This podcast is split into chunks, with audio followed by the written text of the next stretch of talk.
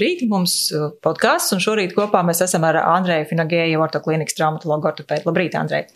Labrīt! Un tēma mums šodien būs par nojošanu, jo nojošana, laikam, pēdējos gados, un varbūt arī, var teikt, vīrusu epopējas rezultātā viņa kļūst par tevi vai tādu Latvijas nacionālo sporta veidu, nu, vismaz sieviešu vidū, var saprast, jo tas ir lielāka fiziska slodze nekā staigājot, jo arī tiksim, tā ķermeņa augšdaļa tiek iesaistīta, bet parasti medijos nu, ļoti idealizē to šo, šo kustību veidu un tā kā pilnīgi nerunā par to otru pusi, jo, kā izrādās, tomēr arī nojotāji bieži vien nokļūst traumatologu ortopēdu kabinetā.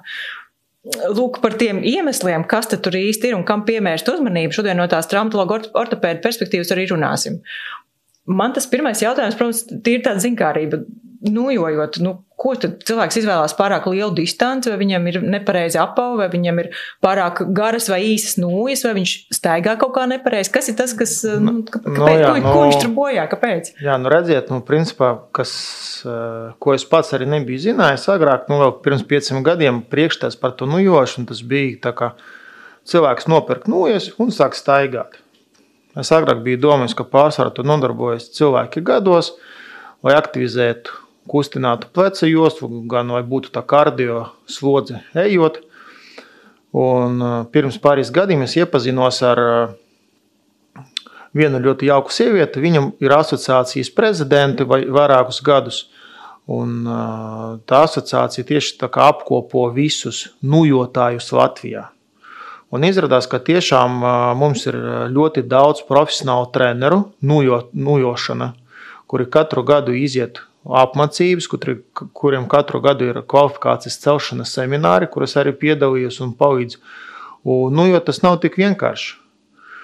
Un, um, es domāju, ka lielākā daļa cilvēku tas priekšstats par to nujošanu ir, ka tas ir tāds kā vienkārši staigāšana ar nujām. Bet izrādās, ka nujošs tas ir atsevišķa sporta nozare. Viņam arī katru gadu notiek sacensības. Un, tas nav vienkārši tā, ka tur ej kaut kādus 5, 7 km. Tur cilvēki diezgan uh, ātri, tad ātrā ritmā noiet 30 un 40 km. Un ka tur tiešām ir sava tehnika, kuru tev jāpārzina, lai tu varētu tā ilgstoši viena ātrā režīma noiet tik lielu distanci un justos labi.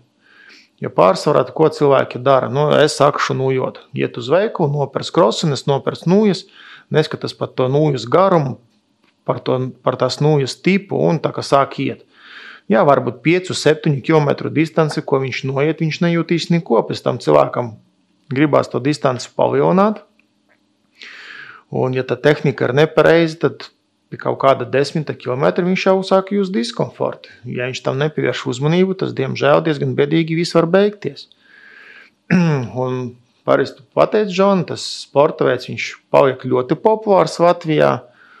Un arī es pats to esmu pamanījis, kad paliek siltāk ļoti daudz cilvēku iet uz ielām, nu, jo gan pilsētās, gan ārpus pilsētām, gan gar jūras krastu pa pludmali iet un mežos un tā tālāk.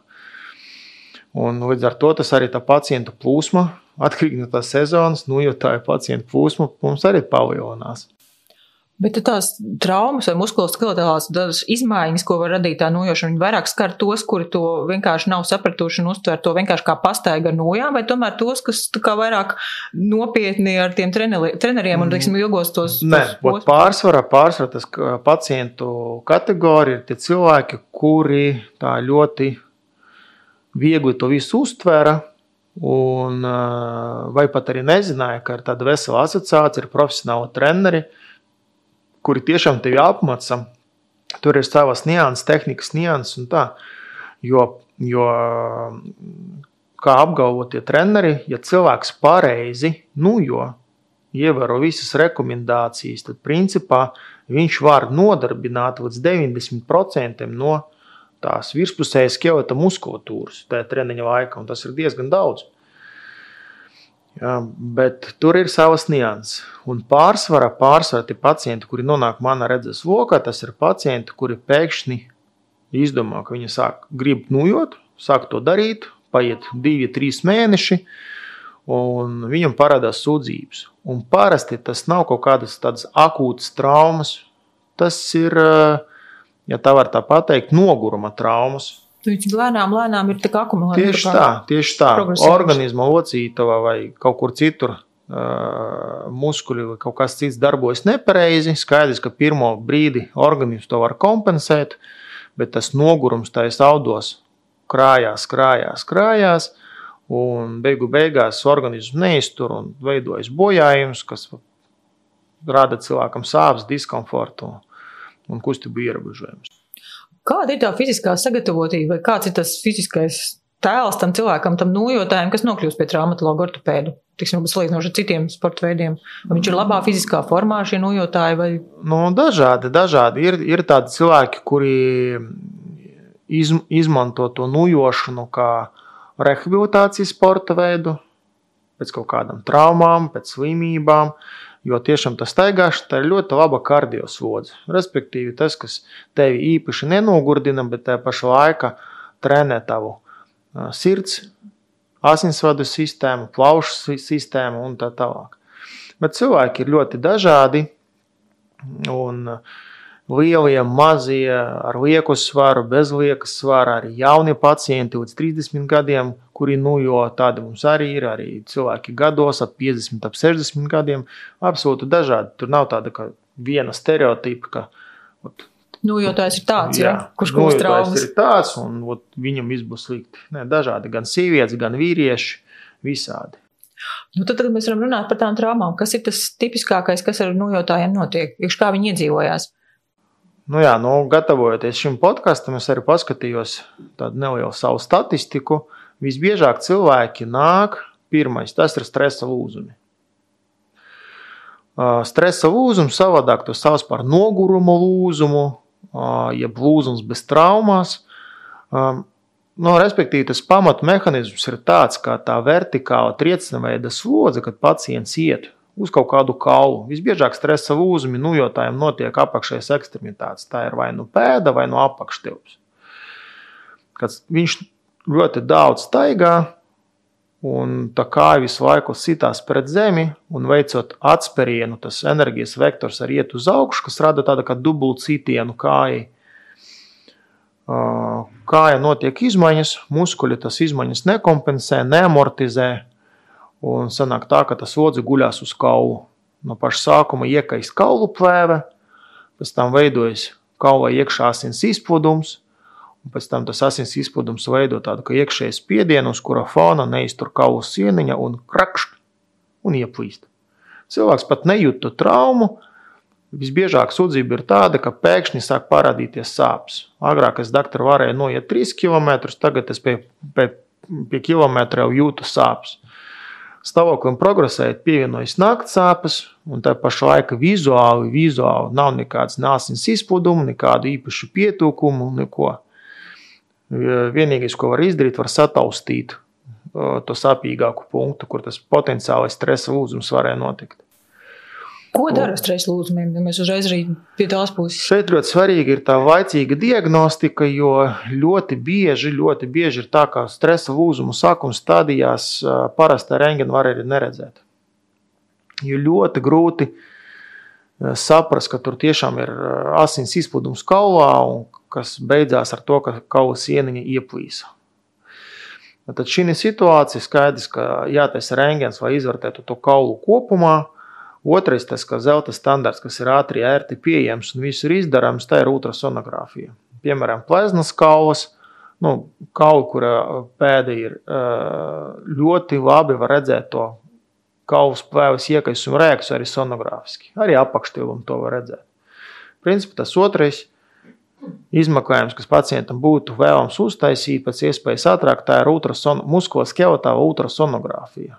Un, ja tur redz, ka kaula plēve ir iekaisusi, ir tā kaula stresa reakcija, nu, atkarīgi no tā, cik izteikta reakcija ir, pieņem lēmumu, vai tur jātaisa papildus magnetiska rezonanse, vai tomēr mēs jau iztiksim bez magnetiskas rezonanses. Tā diagnoze skaidra ir. Ja? Jā, jā, bet jā. tā pamat uh, izmeklēšanas metodas, kas ir ātri pieejamas gandrīz visur. Saudzinošas lētas metodas, tas ir rengens, bojātai ekstremitātei un ultrasonogrāfija.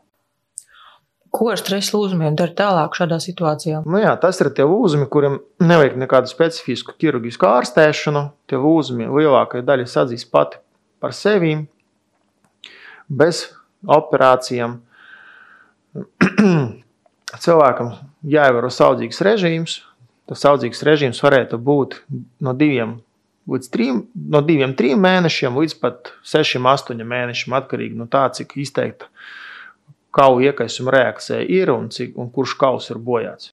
Tas nozīmē, ka šajā laikā tiksim, nekādu nojošanu uz galā, garām distancēm Nē, nē, tas, nekāda- tas jāmet pie nē. malas. Prot- Protams, ka nekāda tāda ekstremāla vertikāla trieciena vai slodze pacientam nebūtu rekomendējama. Pacientam neliek nekādus gipsus, bet iedod krūkus.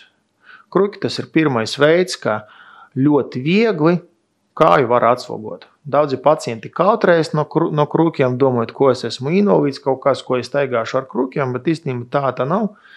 Mūsu priekšstats par krūku izmantošanu ir drusku izmainīts. Reāli krūki tas ir tāds pirmās palīdzības līdzeklis, ko iedot cilvēkam. Piecu minūšu laikā iemācīt viņu, kā pareizi rīkoties, kā pareizi staigāt ar krūkiem. Cilvēks neliek kā uz vienas kājas, viņš liek kāju pie zemes, bet krūki palīdz ķermeņa augšējai daļai nosvert vairāk uz rokām un tādā veidā atslogot kāju. Tas ir pirmais. Otrais arī jāpaskatās, um, kādos apavos cilvēki sporto un kādus apavos viņi staigā ikdienā. Jo arī tiem pašiem sporta apaviem, kuri domāti skriešanai vai speciāli staigāšanai, uh, viņam arī ir sava kilometrāža.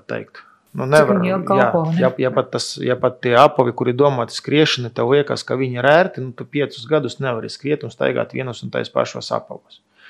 Jo tomēr tā amortizējuša zola nonesājas un tā pamatfunkcija vairāk netiek izpildīta.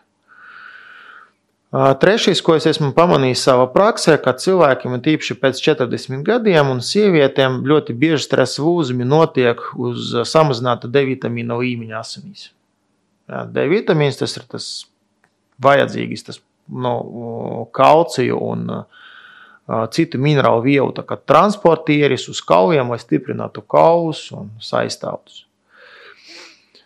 Nu, un tālāk, atkarīgi, un tālāk tā iestājas tā simptomātiskā ārstēšana. Atkarīgi no tā, ja cilvēkam ir sāpes, to nozīmē vai nenozīmē pretieksmes zāles. Ja tas sāpes nav tik izteikts un augstāk minētas metodas, viņam vispār tas sāpes retušē, ka viņš var dzīvot mierīgi, normāli un bez kaut kāda pat diskomforta, tad arī pretsāpju zāles nav vajadzīgas.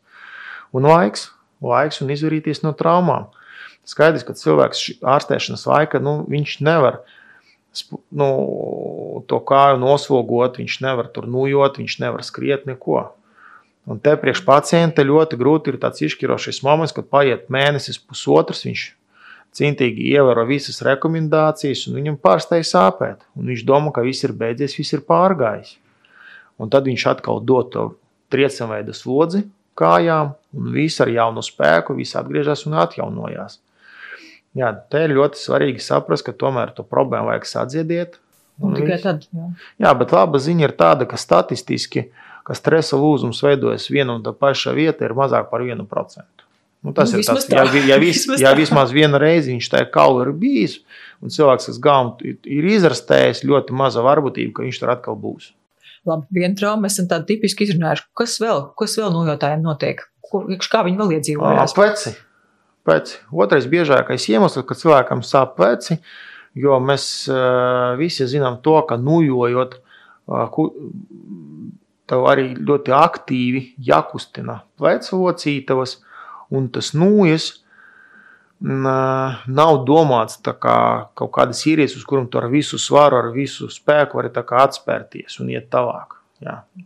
Nu, es domāju, vairāk tā kā līdzsvaram, lai aktivizētu to plecu locītavas ā, muskulatūru. Un cilvēki, kuri nujo nepareizi, viņi tā kā vairāk liek spēka uz rokām, tā kā, nu, tā kā slēpojot, piemēram, ja, tā kā ar visu spēku balstās uz tām nujām, mēģina atspērties ar nujām, lai ķermeni virzītu tālāk uz priekšu.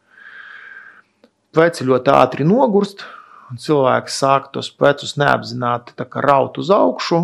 Un, ā, ja cilvēkam ir tīpaši iepriekš bija kaut kādas chroniskas problēmas ar plecu locītu, tas pro- problēmas sāsinās uz musku, uz muskuļa disbalansa fona. Un viss, un tur nevajag nekādu tādu regulāru slodzi. Tas var pat notikt viena garā treniņa laikā. Pēc sāk sāpēt, pēc tam ļoti raksturīgas nakts sāpes, sāpes miera stāvoklī. Tas nav tāda kā asa sāpe. Uzreiz ir tāda kā velkoša sāpe, tas pēc kā sākās ar diskomfortu, pēc tam ļoti daudz pacientu saudzina ar zobu sāpi. Tāda nepatīkama, nav tā kā stipri, bet nepatīkama, miera stāvokļa naktī sāp, grūti atrast vietu tai pleca locītavai un tā tālāk. Un, Kas tur var būt? Ko no, tur var dabūt gatavu? Visbiežāk, visbiežāk, kas tur veidojas, tas veidojas uh, cīpslu, un starp cīpslu un tādas gļotsomņas latiniski saucās bursās, cīpslu un to gļotsomņu iekaisumi. Dažreiz arī ir Dažreiz arī ir tā, ka uz tādu chronisku iekaisuma fona vai uz ja tas nav cilvēkam jau pirmo reizi, vai tas, il, vai tas ir jau diezgan ilgstoši, tas cīpes un gļotsojums pat bez traumas var ieplīst, bojāties, kas rada tādas struktūrālas bojājumus plecavocītavai.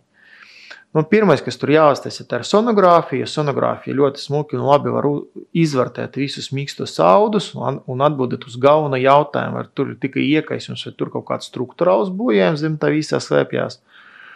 Un tā ārstēšana ir dažāda atkarībā no tā, cik ātri cilvēks ir nācis pie ārsta un cik izteikts viņam sūdzības ir. Var nozīmēt speciālas zāles pret sāpēm, pret iekaisumu un cilvēku sūtīt pie fizioterapeita vai sabalansēt viņam to muskuli. Muskuļu to disbalansu, lai nākotnē viņam tā problēma vairāk neatkārtojās. Ja tas jau ir tāds ielaists gadījums, tad tur var taisīt arī injekcijas, pleca locītu, lokāli ievadīt pretiekaisumu, pretsāpju zāles, kas mazina to iekaisumu un sāpju ar ko te apmēram jārēķinās, cik ātri var tikt vaļā no pleca sāpēm? No, šeit nav tā kā ar stresa lūzumiem. Jā.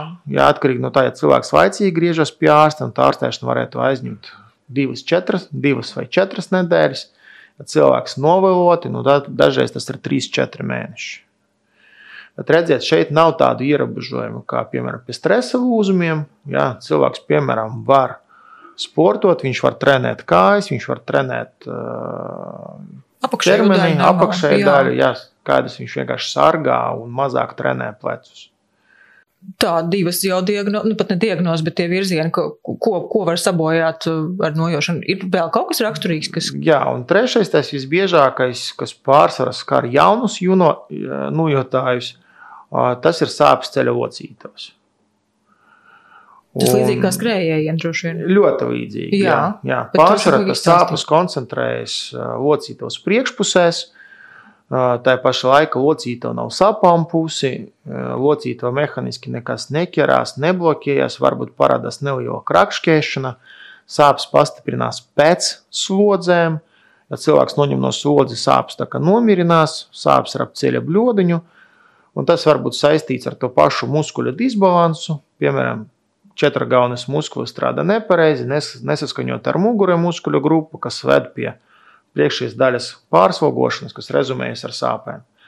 Tas varētu būt saistīts ar, arī ar muskuļu pārslodzi, ja cilvēks nu, tā nekontrolējami, negatavojoties, iedevis diezgan lielu slodzi kājai, muskulis ir noguris, cīpsa iekaist un parāda sāpes. Tas varētu būt arī saistīts ar tādām vecs, tā, teisim, tā, tā, nu, hronisku problēmu sāsiņošanu. Uh, nu, piemēram, cilvēkam ir bijusi, uh, ir bijusi kaut kāda skrimšļa izmaiņas ceļocītos priekšējā daļā, kas ikdienā viņam nu, īpaši netraucēja. Ja nebija tik liela slodze, nu, jā, cēlās druskuļi krāšņkēja, bet lielāka sodzība nebija. Un te viņš pēkšņi izdomāja pastaigāt pa mežu desmit km. Pirmkārt, lielāka slodze pat par sevi tā distance, otrkārt, pa kādu virsmu cilvēks iet, meža, kalniņi, nelīdzinas virsmas, jātur līdzsvars. Tā arī ir tā kā slodze dubultojas vai trīskaršojas pat. Nu, skaidrs, ka tas skrīms, kas viņam iepriekš bija bojāts, viņš arī var sabojāties dziļāk vai vienkārši sāsināties un cilvēkam parādās sāpes arī locītos priekšpusē. Jā. Parasti šī situācija cilvēkam klīniski viss ir ļoti labi. Daudzi pat nesaprot, es biju turpjārs, es biju turpjārs, es biju uztaisījis magnetisku rezonanci, tur neko nesaprotu. Viss kārtībā, jā, kā, kā viss kārtībā. Jā. Un te ļoti svarīgi tieši pacientu klīniski izvērtēt, jo ceļa locīto nebūs piepāmpus, ceļa locīto nesāpēs locīto spraugas. Kliniski ceļa locīto būs absolūti stabila. Var, var nebūt arī sūdzība par to, ka tur kaut kas īpaši krakšķi vai ķerās. Jā, te ļoti svarīgi ārstam izvērtēt pareizi to muskuļu disbalansu, kā notiek tā kājas locīšana, tā kājas biomehanika, vai notiek viss pareizi. Un tad saprast, kura tieši daļa tiek pārslogot pēc cilvēka ikdienas aktivitātēm un sporta aktivitātēm, un tad to daļu atslogot. Pārsvarā šī, šī problēma tiek ārstēta ar fizioterapiju. Fizioterapija diezgan veiksmīgi. Varbūt tas aizņems mēnesi, varbūt drusku ilgāk, bet principā to ļoti viegli bez kaut kādām invazīvām manipulācijām var izārstēt. Un tajā laikā var turpināt nojot, vai tomēr kaut kāda pauze? Nu, būtu vēlams tomēr uztaisīt pauzīti. Jā, jo skaidrs, ka tā nujošana nav, nav kontraindicēta šī laika, bet cilvēkam arī jāsaprot, ja viņš grib, nu, dažreiz, ja viņš grib sasniegt lielus rezultātus, viņam jāuztaisa pauzīti.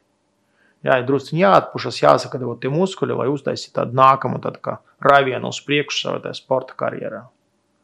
Ja es tādu, tiksim, salīdzinu ar skrējējiem, man liekas, ka skrējēji pie ārsta iet jau tad, kad nu, viņi gaida, gaida, gaida kaut kādu nu, galējo robežu. Tāpēc, ka skrējējiem, man liekas, tā domāšana ir tāda, ka parasti skrienot viss pāriet. Kā ar nojūtājiem, viņi nāk laicīgi, vai viņi arī būtībā lietas ielaiž? Dažādi, dažādi. Nu, tas, tas vairāk ir atkarīgs, atkarīgs no tā pacienta. Um, ja tas ir cilvēks salīdzinoši jauns, aktīvs, nu, tā arī doma ir līdzīga kā arī tiem cilvēkiem, kuri skrien. Es druskuļi patrenēšos, un tad tas pāries. Un, kā jau teicu, sākumā pamata tas problēmas, kas ir saistīts ar nujošanu, tas ir chroniskas, akumulējošas slimības, ja, kas pirmā brīdī nerāda nekādu lielu diskomfortu, nekādu sāpju, bet, ja tas turpinās, tas pieaug, pieaug, pieaug, pieaug un beigās pienāks tas brīdis, pienāks tāds treniņš, pēc kura būs stipras sāpes un kustība ierobežojumi. Cilvēki gados reaģē ļoti dažādi, bet pārsvarā, pārsvarā tur tā domāšana ir tāda. Doktori, nu paskatieties, cik man jau ir gadu, man katru dienu kaut kas iesāpās. Jā, pēc tam tas pāriet. Tāpēc es no paša sākuma tam nepievērsu uzmanību. Tāpēc es pie jums atnācu, kad man jau trīs mēnešus sāp. Nu, bet šī situācija nav tā, ka tas, ja cilvēks atnāks novēlot 3-4 mēnešus pēc simptomu parādīšanās, ka tas ārstēsies ar baigiem sarežģījumiem, vai vispār nebūs izārstējams. Nē, šī situācija tā nav. Dažreiz arī tādus pacientus izdodas diezgan ātri kompensēt un izārstēt. Nu, dažreiz ir tā, ka viņus 2-3 mēnešus tomēr ārstējās. Ja tu tagad tā rezumē, tad cilvēki, kur izvēlās nojošanu, ko viņiem ņemt vērā, lai tas būtu daudz maz tomēr veselībai labi, nevis um, slikti. Jā, pirmais, kas jāsaprot, ka nujošana tas nav staigāšana. Jā, tas ir pirmais, jo tiešām nujojot to, ko, to, ko es esmu redzējis, un arī no malas uh, skatījos uz nujošanas sacensībām, tomēr tur tiek aktivizēti daudzi muskuļi. Tur ir ļoti svarīgi, kā cilvēks kustina plecus, tur ir ļoti svarīgi, kā cilvēks kusta gurnus, kā, cik plats, cik garš viņam tas solis ir. Un eh, es vienmēr iesaku sakt ar treneri. Treneri ir pieejami, tā informācija ir daudz kur pieejama arī eh, internetā. Ir tīpaši cilvēkiem pēc 40, pēc 15 gadiem, kuriem jau iespējams ir kaut kādas chroniskas slimības, ko viņi vienkārši nejūt vienkārši vai tā nujošana nesēsinātas chroniskas locītu slimības, iesaku sākt ar treneri. Treneris uh, paskatīsies, iedos padomus, pastāstīs par to pareizo nujošanas tehniku. Un treneris arī būs tas cilvēks, kurš no malas redzēs, ko jūs nevarat tajā pareizi nujošanas tehnikā izdarīt pareizi, un tad mēģinās to tehniku pielāgot konkrēti jūsu vajadzībām. Vai jūs, vai jūs dabūtu to prieku no tā sportošanas, vai jūs arī saņemtu labu kardio slodzi, trenētu sirds un plaušas un citus muskuļus, un vai jūs arī nebojātu veselību. Tas ir vienmēr jāsāk ar treneri. Tur nav tā kā jāiet mēnešam ilgi pie tā trenera. Jūs varat iemācīties to darīt. Nezinu, burtiski tur pāri, pareizi to darīt pāri, no, nu, pāris nodarbību laikā. Ja, un pēc tam vienkārši nākt uz kontrolēm un skatīties, vai piedalīties kaut kādās kopējās treniņos, vai piedalīties kaut kādās sacensībās. Nav tā, ka te visi nujotāji nujo tā kā individuāli viens pats mežā. Jā, viņi savācās tādas grupās, viņi nujo, viņi pēc tam apspriež, runā. tā arī ir svarīga socializācija, kuri mūsdienās ļoti daudziem cilvēkiem pietrūkst. Tas pašizolācijas Covid laikā. Ko liels paldies tev par sarunu, visai saturīgu. Paldies tev! Jā, paldies! Atā, paldies! Atā.